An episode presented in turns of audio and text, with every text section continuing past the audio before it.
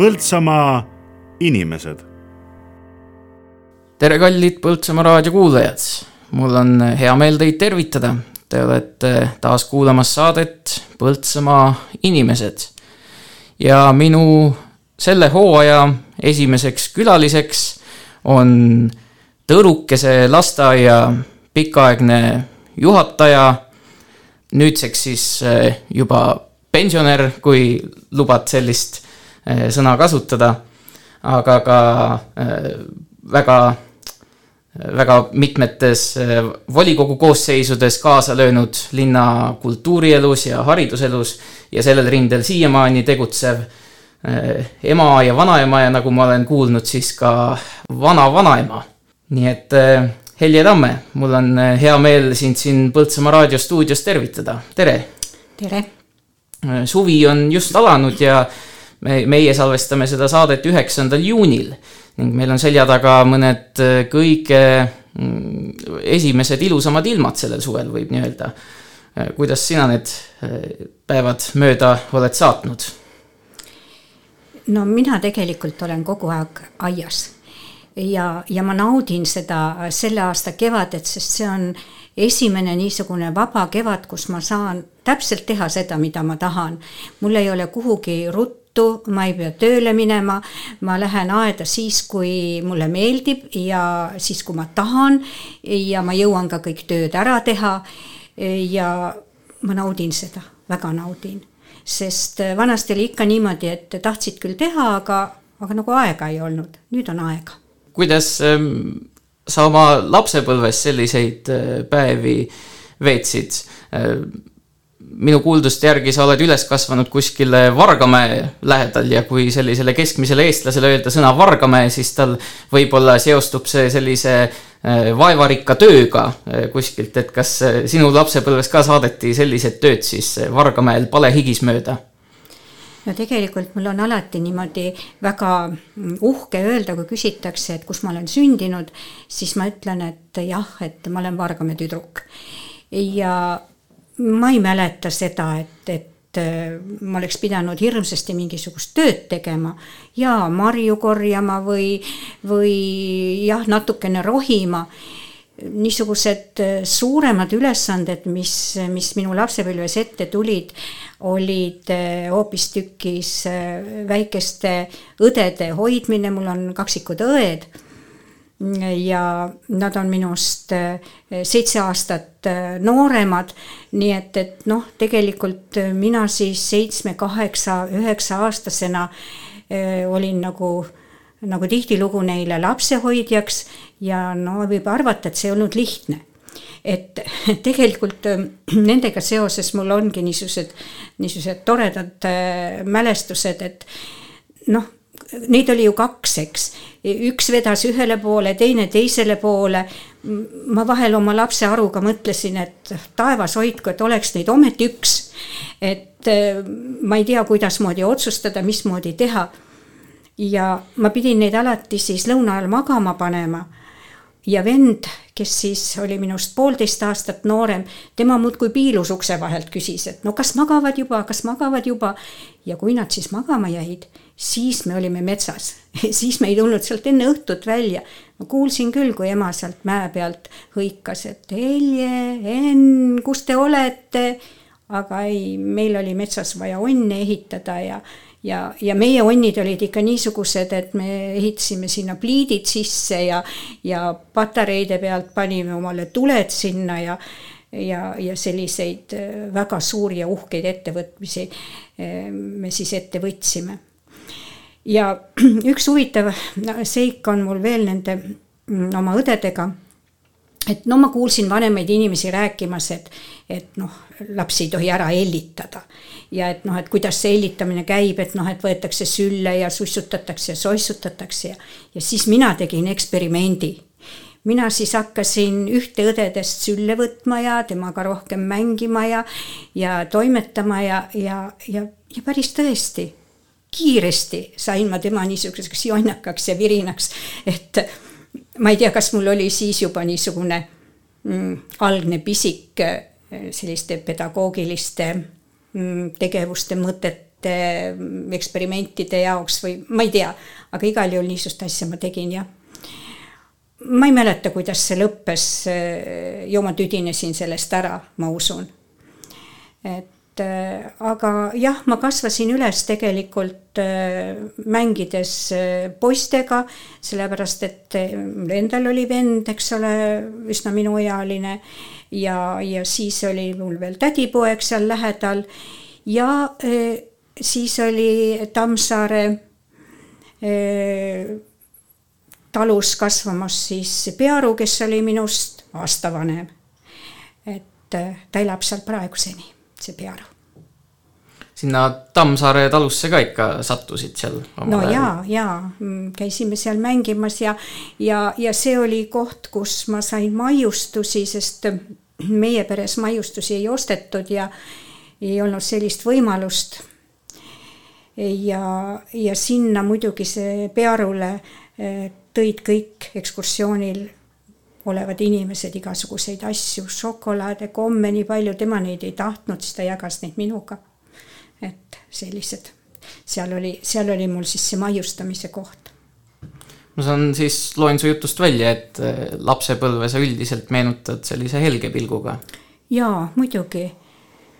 et noh, tore oli joosta, ega keegi seal meie järgi niimoodi ei valvanud ega, ega ei kamandanud ega noh, teadsime ise, mis on vaja teha ja, ja teadsime, kui kõht tühjaks läks, kust süüa saada ja, ja et sahvris on see ja teine asi ja noh, niimoodi, niimoodi need päevad seal läksid. E, niisuguseid e, toredaid juhtumusi oli, oli küll ja niisuguseid toredaid asju seal loomadega ja, ja mäletan niisugust toredat seika, kui, kui naabrimees äh, Eh, ostis esimese auto üldse seal külas, see oli siis eh, tol ajal Sapikas, eks ju, see maantee Muhus, mida kutsuti. aga mingisuguseid teid ju talvel lahti ei aetud, mitte midagi niisugust ei olnud, sellepärast et eh, hobustega sõideti üle hangede ja hobusetee oli, aga tema jäi siis paraku sisse oma, oma sapikaga seal meie välja peal. noh, nagu te aru saate ma elasingi, eks ole, seal väljamägede peal, eks ole, seal olid künkad, eh, kus siis need talud, no kui Tõde ja õigust hakata lugema, siis tuleb kohe pilt silme ette, mismoodi need talud seal, seal eh, olid. ja kui ta sealt üle, üle välja siis sõitis ja sisse jäi, siis minu ema võttis oma hobuse, kelle nimi oli Pisike, sest ta oligi selline pisike hobune. ja läks ja tõmbas siis tema välja sealt lume seest, et noh, niisugused vahvad asjad aga kui koolis hakkasin käima, siis äh, ma olen käinud siis Albu äh,, Albu eh, mõisa koolis on ta, praegu on ta siis Albu mõisakool ja viis kilomeetrit oli sinna. siis kevadel ja sügisel käisin ma jala. talvel viidi siis hobusega mm, internaati, internaadis olid siis esmaspäeva hommikust laupäeva lõunani, siis tuldi järgi ja noh, eks see meie põlvkond ongi niisugune, et me oleme ju tegelikult tohutut arengut näinud, et meil ei olnud seal külas sel ajal ei elektrit ega ega ei olnud seal internaadis, näiteks isegi koolis ei tehtud lõuna ajal süüa. internaadis tehti hommikul ja õhtul süüa, aga lõunasöök pidi nagu Paunvere poistelgi ja tüdrukutel endal kaasas olema. see tähendas, sul pidi nädala söök kaasas olema. no ja mida siis ema pani? pani koorega keedetud kartuleid, pani kilu, pani võid, pani leiba. ja seda ma siis lõuna ajal sõin ja noh, meid oli seal päris mitu, meil oli siis seal oma, oma kapp oli külmas esikus ja siis seal kapi juures käisime söömas, kui siis teised, kes kodunt käisid, oma võileiba sõid klassitoas, et, et selline, selline jah praegu võiks öelda nagu romantika, eks ole. ja, ja, ja, ja., aga kui sa üldisemalt äh, mõtled nüüd selle aja peale tagasi ja sa oled aastakümneid äh, töötanud teiste inimeste lastega, sul on endal lapsi ja lapselapsi. Äh, ja kui sa nüüd võrdled, et see, kuidas teie omal ajal kasvasite ja, ja kuidas tänapäeval lapsed kasvavad, et mis need suuremad erinevused on ja kas sa näed seal pigem selliseid positiivseid või negatiivseid tendentse? see on isegi natukene raske küsimus, sellepärast et vot lapsepõlv on ikka niisugune, et, et seda sa nagu meenutad ja meenutad niimoodi helgena ja ja, ja nüüd hilisemas elus kõik noh, õpitud ja omandatud kogemuste varal, et see võib-olla ei olegi niisugune noh, ei ole nagu adekvaatne võrdlus. aga mulle tundub, et et sel ajal oli ikkagi nii, et niisugust eh, pidevat järelevalvet oli tunduvalt vähem kui praegu. et praegu me püüame siiski lastele kõik nagu ette-taha ära teha, eh, valdavalt vanemad püüavad ka juba teismeeas seal võib-olla ka ka suuremate laste, noorte järgi nagu noh, valvet pidada selles mõttes, et nad tahavad alati teada, kus sa täpselt oled ja mida sa teed. et äh, meil ei olnud seda, üldse ei olnud, ma, ma ei mäleta, et minu ema oleks uurinud ja puurinud, et kus sa käisid, kellega käisid, mis sa tegid. Üldse ei mäleta, aga mina küll olen, mina küsin kogu aeg ja siiamaani, mis sa teed, kus sa oled, kellega, mismoodi, et noh, jah. Ei oskagi, ei oskagi praegu öelda seda, ajad on ju nii tohutult muutunud. no kui, kui ma siis tulin üksipäini koolist koju, seitsmeaastane, viis kilomeetrit mööda sõiduteed. aga mis mul seal siis oli, seal sõitis võib-olla ainult mõni kolhoosi villis, eks ma muidugi kartsin tohutult autosid, ma jooksin siis tee pealt ikka metsaveerde ja pärast jälle tulin tasakesi tee peale tagasi. aga ma ei mäleta, et ma oleks pidanud väga palju jooksma, sest lihtsalt masinaid ei olnud. ja, ja ei osanud nagu midagi kartagi. Teise klassi kevadel ma sain jalgratta, siis ma hakkasin jalgrattaga käima koolis. aga kui ma praegu mõtlen lapselaste peale, siis ma eluski ei julge kedagi viis kilomeetrit lasta mööda, mööda mm, sõidetavat teed, eks ole, sest et nii tohutult on ju, elu on nii muutunud ja nii palju on ohte, et jah, ei. käisime kalal, pisikesed pudinad olime, ma ei tea, kuidasmoodi ema julges meid lasta, eks ole, kümne-üheteistaastaseid poole öö ajal kalale. ma ei tea. aga laskis nii et ei, kuidagi jah, nagu, nagu kuidagi niisugune vabam oli see, see elu. aga võib-olla ta praegu on põnevam. ei tea, ei ole ju laps praegu. No ei tea, kas on jah, mulle meenub äh, siinkohal üks lugu, mida keegi rääkis, et kui tänapäeval tuuakse lapsed äh, jalgpallitrenni, siis nad alustavad jalgpalli mängimisega ja lõpetavad jalgpalli mängimisega, aga et vanasti olid niimoodi, et poisid tulid sinna kokku, esimesed nelikümmend minutit äh, lepiti reegleid kokku, siis nelikümmend minutit mängiti ja siis nelikümmend minutit pärast oli mänguanalüüs. Ja et see kõik oli selline asja osa tegelikult, see ka ju selles mõttes arendas ikkagi äh, last jah, muidugi, ega kas kõik need mängud, mis me mängisime, äh, siin võib küll paralleele tõmmata ka Tõe ja õiguse mm, lastega, kes, kes mängisid seal puuklotside ja, ja laastudega, et meie peres mänguasju ei olnud. Äh, me leidsime need ise, mis me tegime ja noh päris pisikesed, ma ei, ma ei mäleta, millega me siis mängisime, sest et ega sa ikka oma kahe-kolmeaastase niisuguseid mälestusi nagu hästi ei, ei, ei mäleta. mäletan küll seda, siis ma olin küll ka ikka, ikka üsna pisikene, vast kolme-nelja-aastane, kui ma kangesti tahtsin endale kirjut kana saada. sest meil olid kõik valged kanad aga minu vanaemal, kes elas kuskil poolteist, kaks kilomeetrit eemal niimoodi eh, mööda mm, metsa, metsarada minnes, temal olid kirjud kanad. ja, ja siis ma lihtsalt ükskord otsustasin, venna võtsin ka kaasa, võtsime korvi kaasa ja läksime vanaema juurest kana tooma. ja tõimegi selle kana ja sellest ajast saadik oli, olid meil kirjud kanad ka olemas, et võtsid kätte, läksid ja tegid ja ei küsinud me kellegi käest, et, et tahame minna või midagi tuua või teha. oma pead toimetasime ja pahandusi ei tulnud. nii et nii ta oli. selle jaoks, et eh, pedagoogiks saada, peab ka ikka kuskil kõrgkoolis eh, käima.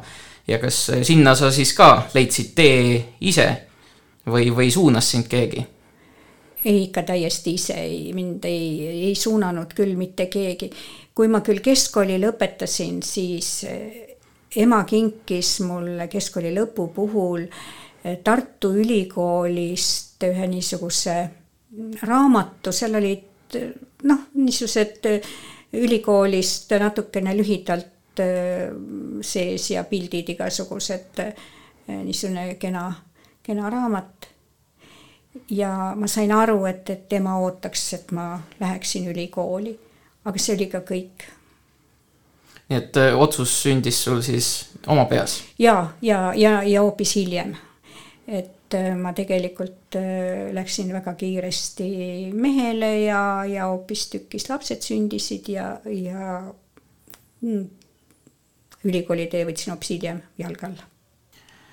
aga kuulame siinkohal siis ära esimese loo, mille sa oled valinud ja selle loo nimi on äh, Pisike puu, et kuidas see lugu sind kõnetanud on?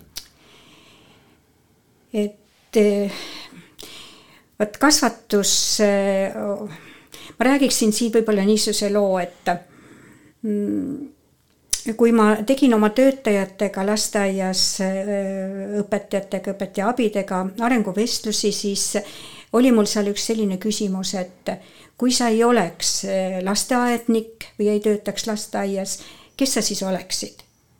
ja üle kuuekümne protsendi inimestest ütles, et nad oleksid aednikud.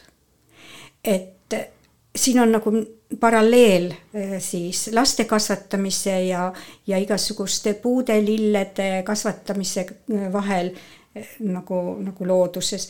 Ja see pisike puu meil oli lasteaias, olid rühmadel puudeviljade nimed, sellega oli seotud väga palju erinevaid traditsioone, igal rühmal oli ja on praegugi seal Tõrukse õue peal oma mm, rühmapuu.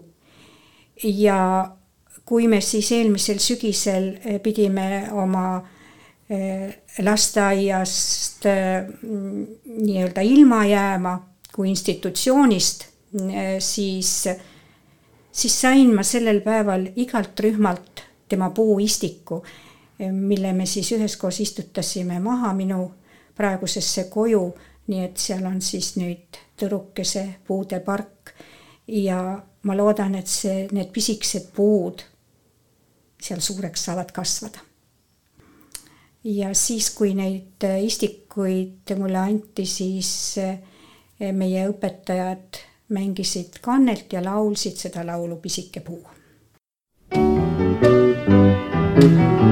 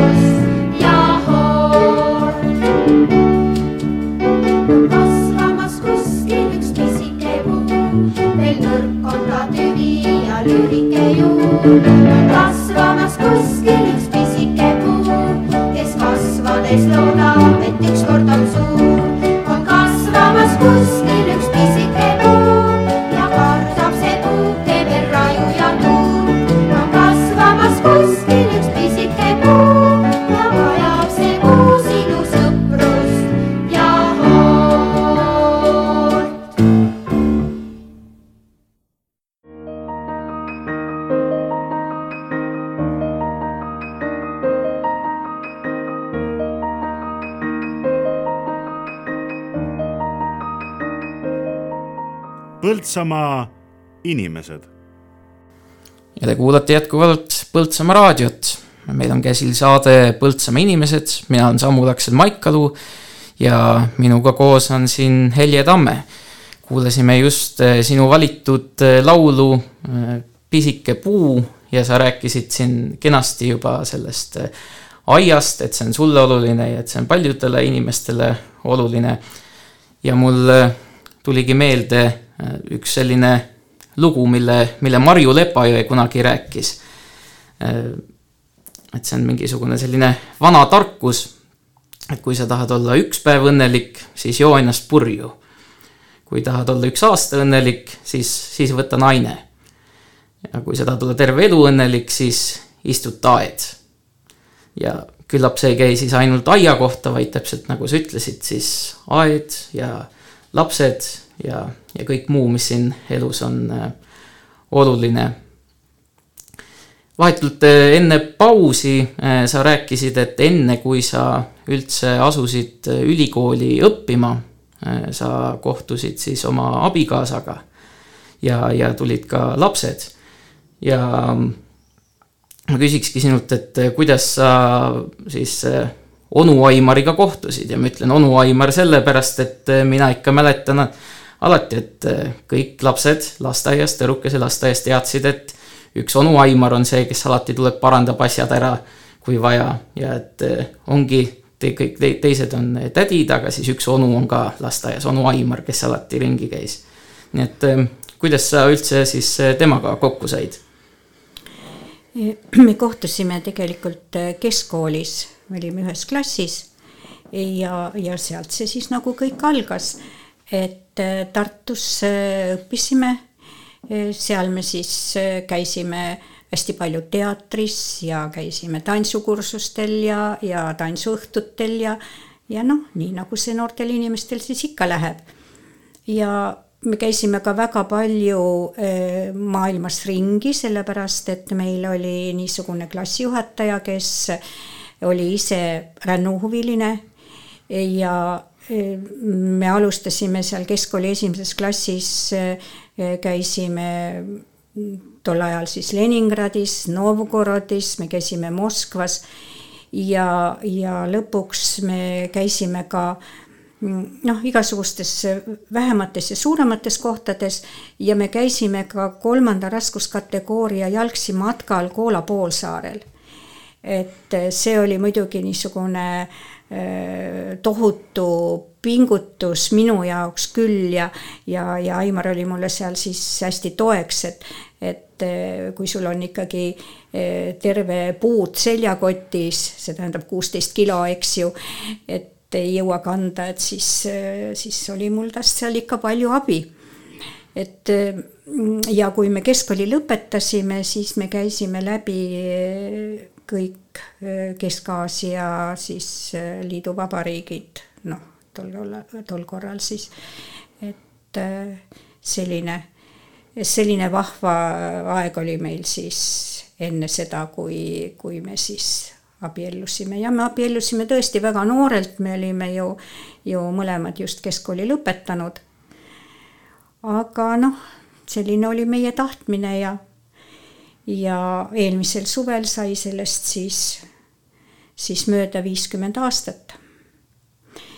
ja mm, ma ka võib-olla siinkohal räägiks ära ka selle, et, et sellist, mm, sellist mm, pulmapäeva meil tegelikult ei olnud, eh, kui oli eelmisel aastal, eelmisel suvel, mille meie lapsed korraldasid nii, et me ise ei teadnud sellest üldse mitte midagi. ja nad suutsid seda saladust hoidagi nii kaua, kui me jõudsime siis äh, Roosi saarele ja ma nägin siis äh, meie nägime siis kõiki, kõiki kutsutud sugulasi, tuttavaid, sõpru. see oli, see oli, see oli midagi niisugust, millest, millest ei, ei oska nagu, nagu rääkidagi. see oli, see oli tohutu ilus et hea küll, et paar päeva enne tehti meile ka äh, tüdrukute õhtu ja poissmeeste õhtu, aga ma ei arvanud siis, et sellele midagi peaks veel järgnema ja ja, ja nad ütlesid ainult seda, et noh, et teil, teil tuleb kenasti ennast riidesse panna, et me läheme perega pildistama. aga tegelikult siis äh, kui, kui keskmine tütar meile järgi tuli, ütles, et ta tuleb järgi, et siis lähme pildistama, siis oli tegelikult õues pulmaauto ehitud, ilus ja nii, nii see asi siis hakkas. ja, ja jah, see, see oli, mul on sellest isegi raske rääkida. et ja mis me seal kõik veel siis tegime, meid pandi äh, pandi Aimariga tuljakut tantsima, ma ei olnud ju nelikümmend aastat tuljakut tantsinud. et äh, jah, aga midagi ikka välja tuli midagi ikka välja tuli jah. see oli, see oli väga tore ja, ja muidugi olid nad siis kuuekesi, jah, kuuekesi äh, tütred ja siis äh, lapselapsed mängisid kannelt kitarri, klaverit, laulsid. ja sealt on mulle nüüd jäänud siis nii kumisema see lugu Tulgu tuuled. et nende lemmiklugudega ongi nüüd niimoodi, et, et igal ajal on võivad need olla erinevad ja, ja mõni võib jääda nagu, nagu pikalt sulle, sulle nagu niisuguseks noh, lemmiklooks. aga, aga mõni on noh, mingisuguse sündmusega väga seotud. ja kui ma nüüd kuulsin, kui seda Tulgu tuuled laulsid mm, meie kultuurikeskuse see noh teagi, kas nad on nüüd koor või kergemuusikakoor vist, siis ma ei saanud mitte pisaraid tagasi hoida. väga ilusti muide laulavad. seda lugu saame äh, varsti kuulata ka. ja no näed, ma, ma ei oska ka kohe midagi, võtsid minul ka sõnad äh, suust, kui, kui, kui sa kirjeldasid seda, et ma üritasin vaid äh, vaimusilmas niimoodi ette kujutada ja küllap need eh, olulisemad asjad elus eh, ongi need, mida ei saa teinekord sõnadega hästi, hästi siis edasi anda. ja aga samas tuleb ka ju tõdeda, et eh, tänapäeva, täna, tänapäeval teiesuguseid paare jääb järjest vähemaks, kes saaks tähistada sellist numbrit nagu, nagu viiskümmend, et kuigi eluiga nagu kasvab, aga nagu sa ütlesid, et teie abiellusite noorelt, tänapäeval antakse pigem nõu, et tehke vastupidi, et käige, nähke enne maailma. ja ma tean, see on küll väga selline banaalne klišee sellist asja küsida, aga mis see pika abielu saladus siis on? jah, no seda küsitakse muidugi, muidugi palju ja mitte ainult minult ja Aimarilt, aga, aga ma olen kuulnud, et, et paljudelt küsitakse. ma mõtlesin siin nüüd uuesti Tammsaare Tõe ja õiguse peale, kus on öeldud, et tee tööd ja näe vaeva, siis tuleb armastus. seal on sellel muidugi hoopis teine tähendus. aga kui me tooksime selle ütlemise tänapäeva ja, ja võib-olla hoopiski e, mõtleksime niimoodi, et ega armastus ei püsi ka ilma, kui sa ei tee tööd ja ei näe vaeva.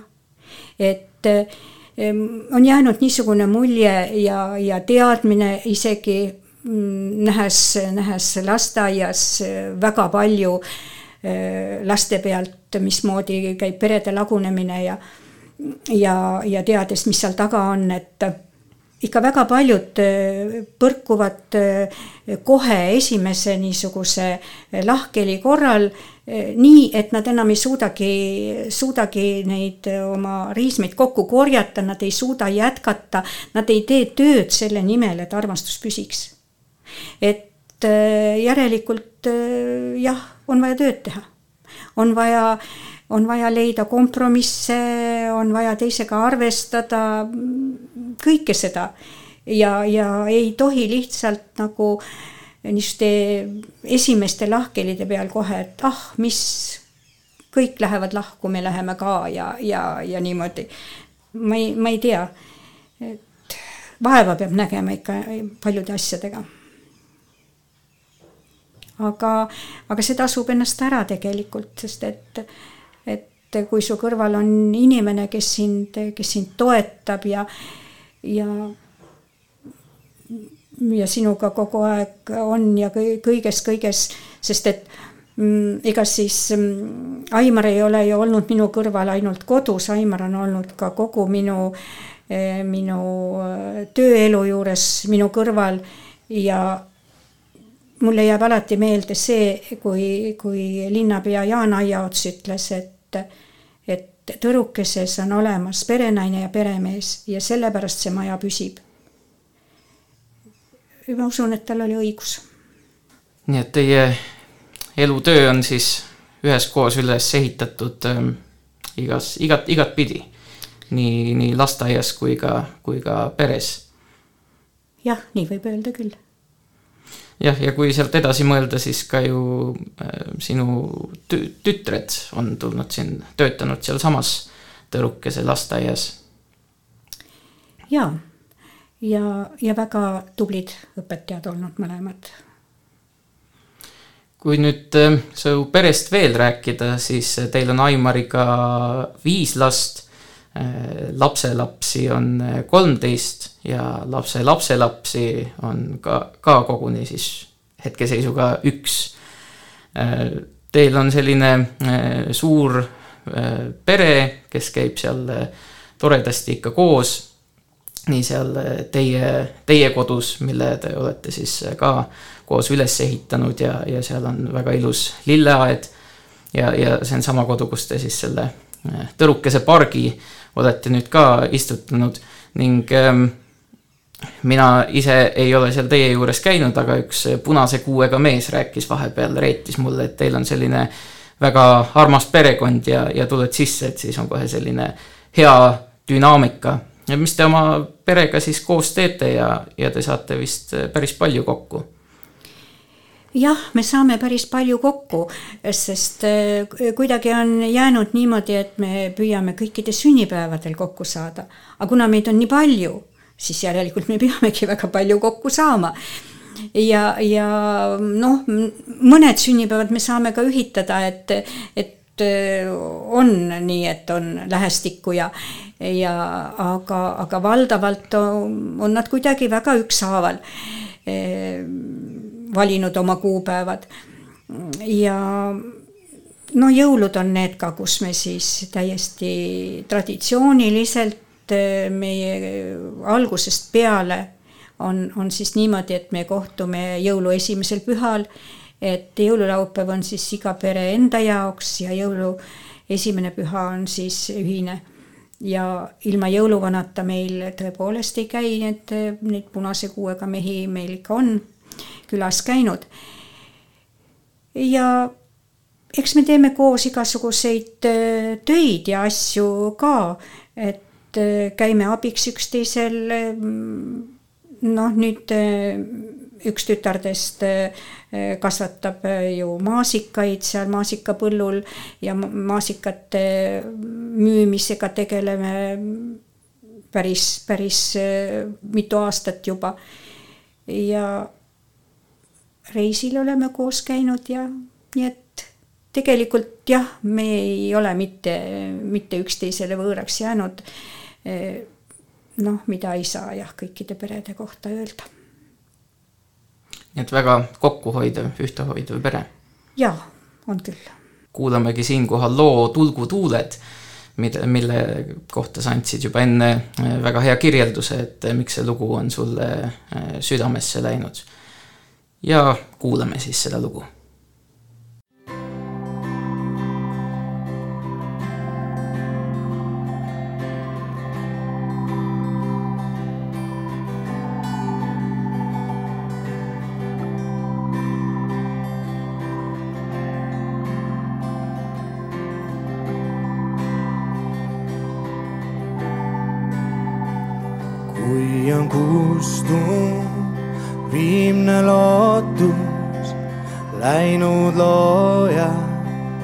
valguskiir hinga sisse laseb alla julgel häälel lauluviis. kui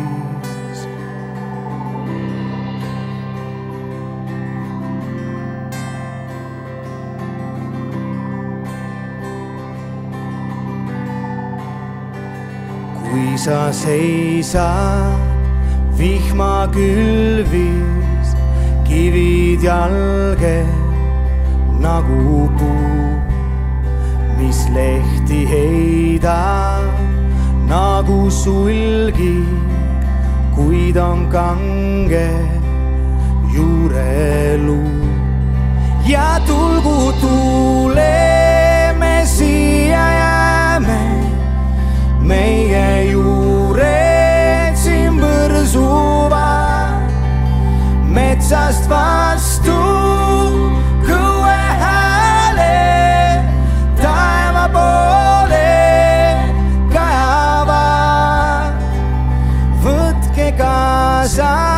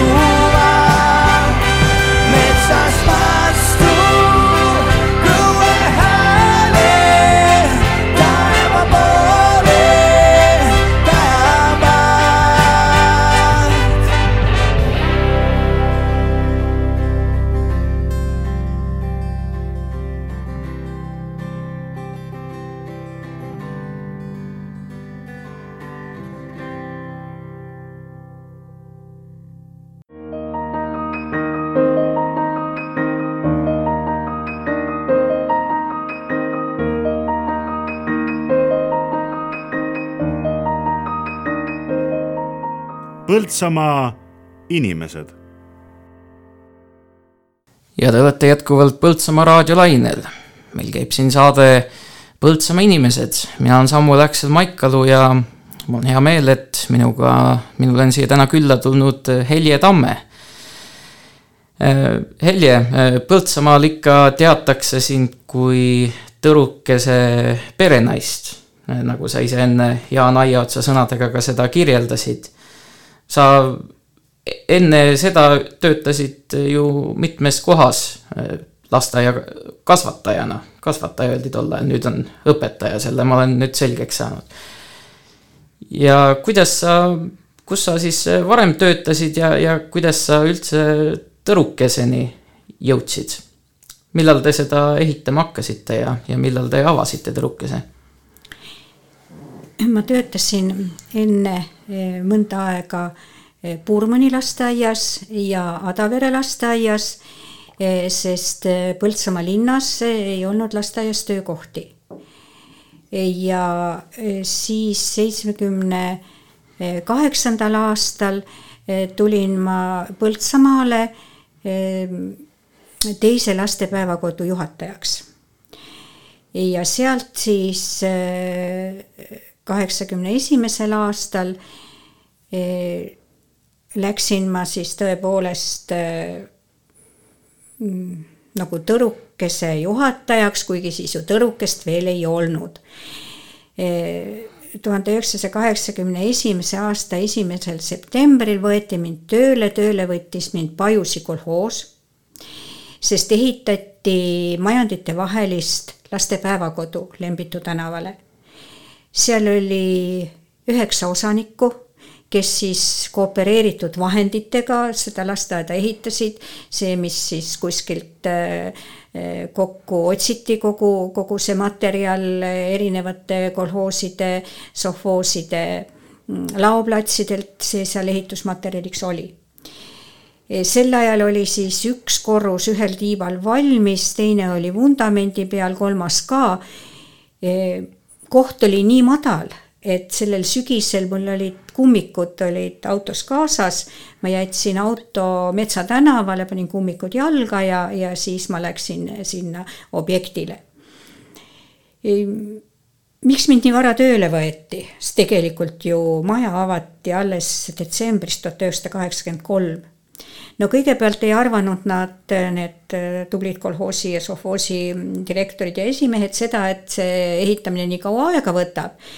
ja teiseks oli vaja juba hakata hankima sisustust, sest sel ajal eh, ei olnud niimoodi, et, et kui sul on raha, siis sa lähed ja ostad jah, raha oli nendel majanditel, aga ei olnud limiite ei olnud eh, võimalust eh, hankida ei mööblit, ei sisustust, isegi, isegi mänguasjade hankimiseks oli vaja eh, põllumajandusministeeriumist saada luba ehk limiiti.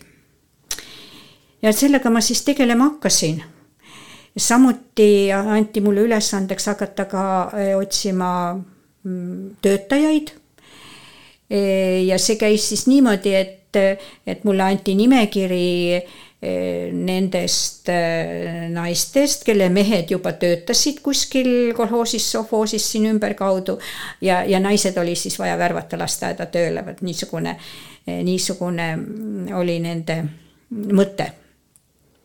oli majandkonna nõukogu, mida juhtis siis Viktor Meister, väga asjalik ja, ja tubli tubli majandimees ja nemad siis otsustasid ja mõtlesid ja tegid ja, ja mina siis täitsin nende korraldusi. hiljem juba, kui hakkas eh, katuse alla saama, siis sain ma veel ülesandeks valvata eh, ehitajate järgi.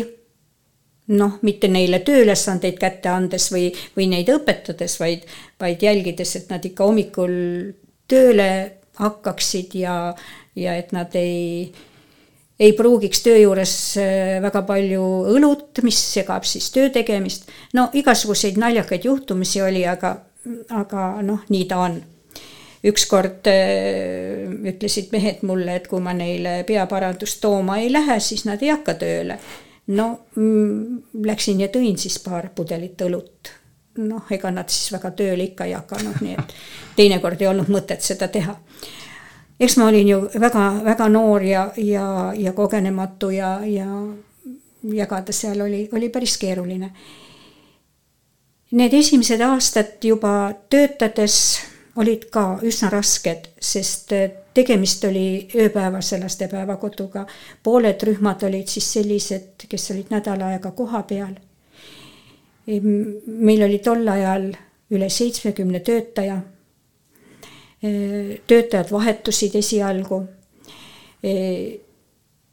pidama jäid ikkagi need, kes, kes lastega teha tahtsid tööd, põhiliselt olid need siis ikkagi kasvatajad, aga need, kes olid nagu abipersonal, need vahetusid ikka väga kiiresti, et, et noh, inimesed arvasid, et lasteaias on kerge ja lihtne ja tulid ja, aga nägid, et see ei ole mitte nii, nii lihtne. et äh, tegemist oli palju. aga noh, kuskil esimese viie aasta lõpuks oli ikkagi juba personal niisugune kindel. ja, ja toimetasime siis kuni, kuni tuli, tuli siis äh, uus aeg Eesti Vabariigi näol. Eesti Vabariigis ei olnud vaja enam ööpäevast lasteaeda, sellepärast et millegipärast lehmi enam ei pidanud nii vara lüpsma. ja, ja lüpsjad, karjatalitajad enam oma lapsi ööseks jätma ei pidanud. samuti vähenes äh, sündivuse arv, laste arv üheksakümne, üheksakümne kolmandast aastast hakkas see vähenema koolis oli siis väga palju lapsi ja koolis oli oht, et äh, kool peab minema teise vahetusse ja siis äh, üheksa, jah, tuhande üheksasaja üheksakümne kolmandast aastast äh, saime Eestis lasteaed algkool. et meil oli siis kolm, kolm klassi paralleelidega, nii et kuus klassikomplekti ma mäletan, kui mina lasteaias veel käisin, siis seal oli see algkool, kui ja. kaua see algkool siis püsis? kaksteist aastat. kaksteist aastat olime, olime algkool, kahe tuhande viiendal aastal siis algkool lõpetas, sest eh, siis oli juba tekkinud selline olukord, kus lapsed mahtusid kooli ilusasti ära. see oli hästi tore aeg, see, see lasteaed algkooli aeg, sest et et suurte lastega, noh, nad olid ikka juba täitsa suured, need kolmanda klassi lõpetajad ja nendega sai ikka igasuguseid toredaid asju teha e,. igasugustel vabariiklikel näitemängupäevadel käidud e, tantsulaagrites, meil olid, meil olid Võrtsjärve ääres kümme aastat me käisime Võrtsjärve ääres e, suvel telklaagris lastega samal ajal lasteaialaste viimase rühmaga eh, käisime Pärnus, eh, olime nädal aega suvelaagris seal. meil olid seal toredad partnerid. Mm, Tammsaare lasteaed ja hiljem Pöialpoisi lasteaed, kus me siis elasime nagu ööpäevases lasteaias rühmana, sealt, seal meid toitlustati, seal me ööbisime ja, ja lapsed siis said Pärnu randa nautida ja kõiksuguseid muid üritusi, mis seal Pärnus oli. Äh, ka hästi-hästi toredad ajad. Mm, aga me oleme hiljem sellest äh, palju rääkinud ja mõelnud, et, et, et nüüd vist enam nagu ei julgekski minna või lapsed on nagu, lapsed on muutunud ja, ja kuidagi niisuguseks no lihtsalt eh, selline tunne on, et, eh, et nad enam ei, ei ole laagris eh, niimoodi, et ilma vanemateta, ilma kontaktita. siis, kui me seal laagrites olime, ei olnud lastel veel mobiiltelefone ja, ja, ja nad täitsa, täitsa tublid ja toredad olid igatepidi. ma mäletan ainult kahel korral, kui, kui pidid vanemad järgi tulema, et noh, et, et nad ei, ei leppinud nagu kodunt eemale olemisega. aga noh, nad harjutasid seda lasteaias mm, viimases rühmas ka, tegid pidžaamapidusid, olid öösiti lasteaias ja, ja, ja väga, väga vahvad olid need laagrid ja siis, kui lasteaed algkool oma tegevuse lõpetas paraku, eh, siis me võtsime endale jälle uue suuna. nagu ma ütlesin, et meil nagu sammal selga kasvada ei saanud. kogu aeg pidime midagi jälle välja mõtlema. ja tegelikult oli ka kogu aeg vaja oma olemasolu tõestada. ja kuna meil oli üsna mitu erilist last lasteaias, kes vajasid äh, teistsugust lähenemist, äh, teistsugust pedagoogikat ja kasvatust, siis me hakkasimegi tegelema sellega, et, et lõime omale arendusrühma ja tasandusrühma. ja olime sellega siis tõesti siin piirkonnas nagu ainukesed, et kes Äh, meie inimesed omandasid siis vastavad kvalifikatsioonid. mina ise ka käisin õppimas siis erivajadustega lastega tööd veel lisaks. samuti, äh, samuti ja ja noh, praegu, praegu seni on, on tasandusrühm veel olemas siis lasteaias. aga nagu ma juba ennem ütlesin, et, et meil olid hästi tugevad traditsioonid just nende, mis seotud nagu tõrukesega, tammetõrukesega, selle sümboliga ja, ja nende muude puude viljadega. noh, nagu rühmad seal Pihlamarjake ja Pärnaõieke, Pähklike ja nii edasi. kust see nimi üldse tuli, tõrukene siis niimoodi? See nimi, see nimi nüüd tegelikult on, on pandud nende tammede mälestuseks, mis noored tammed olid seal mm, sellel ehitusplatsil, mis sealt välja juuriti ja ära põletati. et ma lugesin küll sellest projekti seletuskirjast, et need tammed tuleb kuhugi istutada, seal oli isegi koht määratud, aga seda ei tehtud. Ja noh, sellega on, on hea selle nimega nagu seostada palju, sest tamm on ju hiiepuu, tugev puu, eks ole, tõrust mullast tõuseb tammpuu, mis kõigist tugevam, eks ole. on, on niisugune tore, tore luuletus. nii me seal toimetasime ja viimastel aastatel siis ikka kogu aeg midagi uut jälle, uut jälle juurde, et meie koolieelikud on osalenud kõikidel vabariiklikel lasteaialaste tantsupidudel Neid on üldse kolm korraldatud, kõikidel nad käisid, noh siis tuli koroona, siis jäid need tantsupeod jälle ära. ja mina mõtlesin, mina mõtlesin ise niimoodi, et ja, ja oligi juba kõik plaan valmis, projektidki. Projekt, mis läks vallale viiskümmend tuhat maksma, oli Tõrukse renoveerimise projekt et me renoveerime maja ja ma annan selle renoveeritud maja uuele direktorile üle.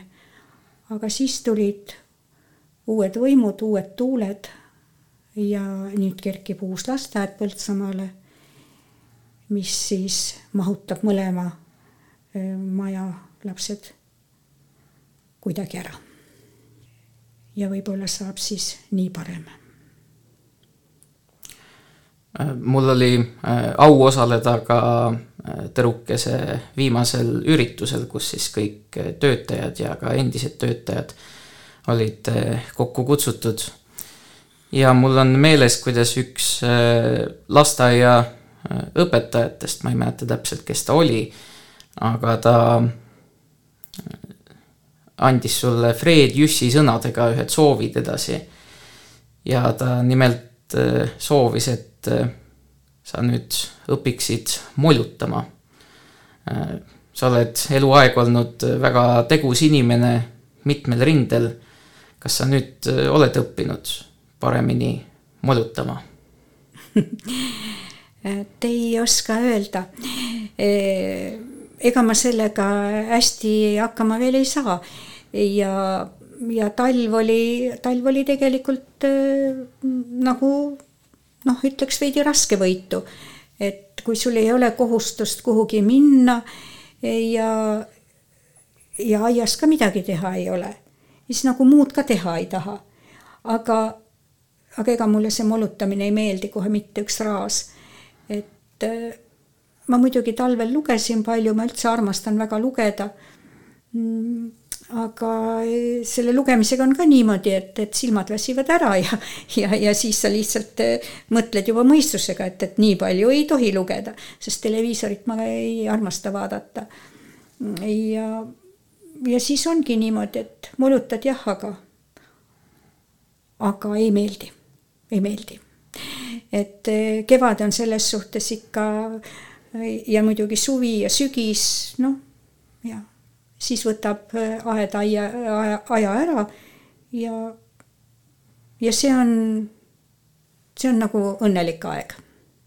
aga sellisel juhul ma tänan sind äh, saatesse tulemast, ma soovin sulle kõike paremat, et sa õpiksid seda äh, molutamist ka siis paremini selgeks. soovin sinu perele kõike head ja tänan ka sind, hea kuulaja, et sa kuulasid saadet eh, Põltsamaa inimesed ning eh, Helje, sa oled eh, valinud veel ühe loo siia lõppu ja selle loo nimi on Nii kui üks pääsuke. miks sa just selle loo siia valisid? vot see lugu tegelikult äh, meeldib mulle küll juba, juba väga kaua aega. tegelikult, tegelikult on see, see lugu äh, alguse saanud hoopistükkis äh, nagu matusteks kirjutatud lugu. selle kirjutasid mingid Hiiumaa poisid aga, aga nüüd on ta, on ta läinud rahva sekka ikkagi hoopistükkis nagu, nagu noh, väga niisuguse eh, poploona. seal on väga ilusad sõnad eh,. kasvõi selle kohta, et, et kui äike on üle käinud, et siis on kõik jälle puhas ja ilus. ja mulle ka tohutult meeldib eh, suvel eh, peale vihma, peale vihma, peale eh, seda, kuidasmoodi siis kõik lõhnab, rohi lõhnab, põõsad, puud, lilled, kõik lõhnavad ja päike särab. et alati on nii, et peale äikest tuleb päike nii kui üks pääsuke läheb lendes kõrgele et vaevalt näha veel läbi ülesse. nii on me elutee, mis läheb taevasse, nii kui üks pääsuke läheb kõrgele. Nii on me elutee, mis läheb taevasse nii kui üks pääsuke läheb kõrgele. kui välku sähvatab ja kõue kõmistab, siis lendab pääsuke ka madalal.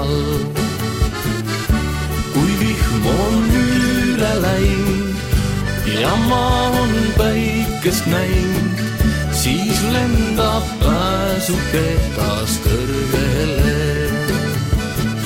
kui vihm on üle läinud ja maa on päikest näinud, siis lendab pääsuke taas kõrgele. kui vaatad lindusid, kes laulvad rõõmsasti ja kiitvad Jumalat nii valjusti.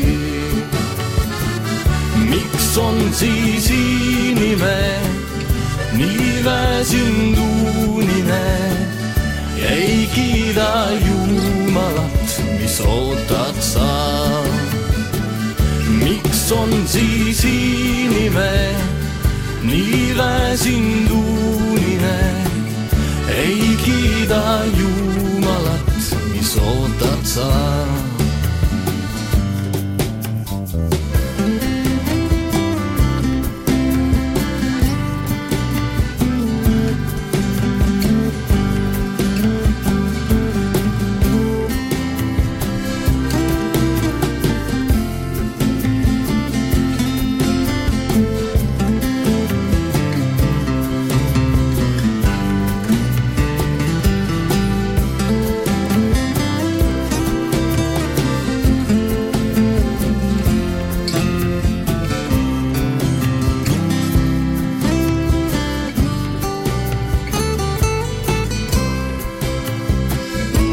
Enne vaimu vihmasi saad tunda raskusi ja tuuli valjusi, mis puhuvad. oh, võta inimene eesmärgiks pääsuke ja kiida valjusti siin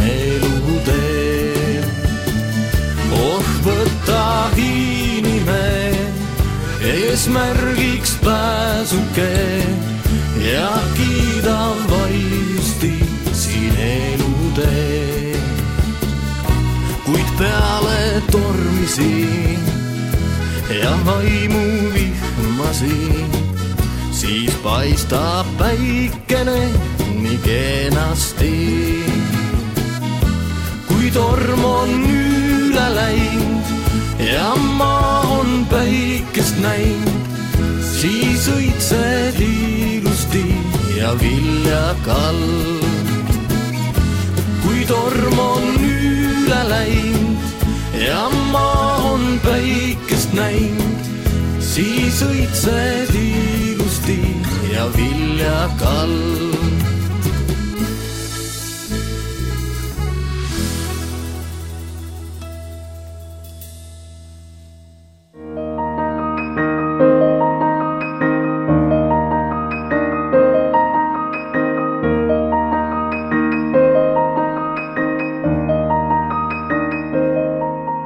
Põltsamaa inimesed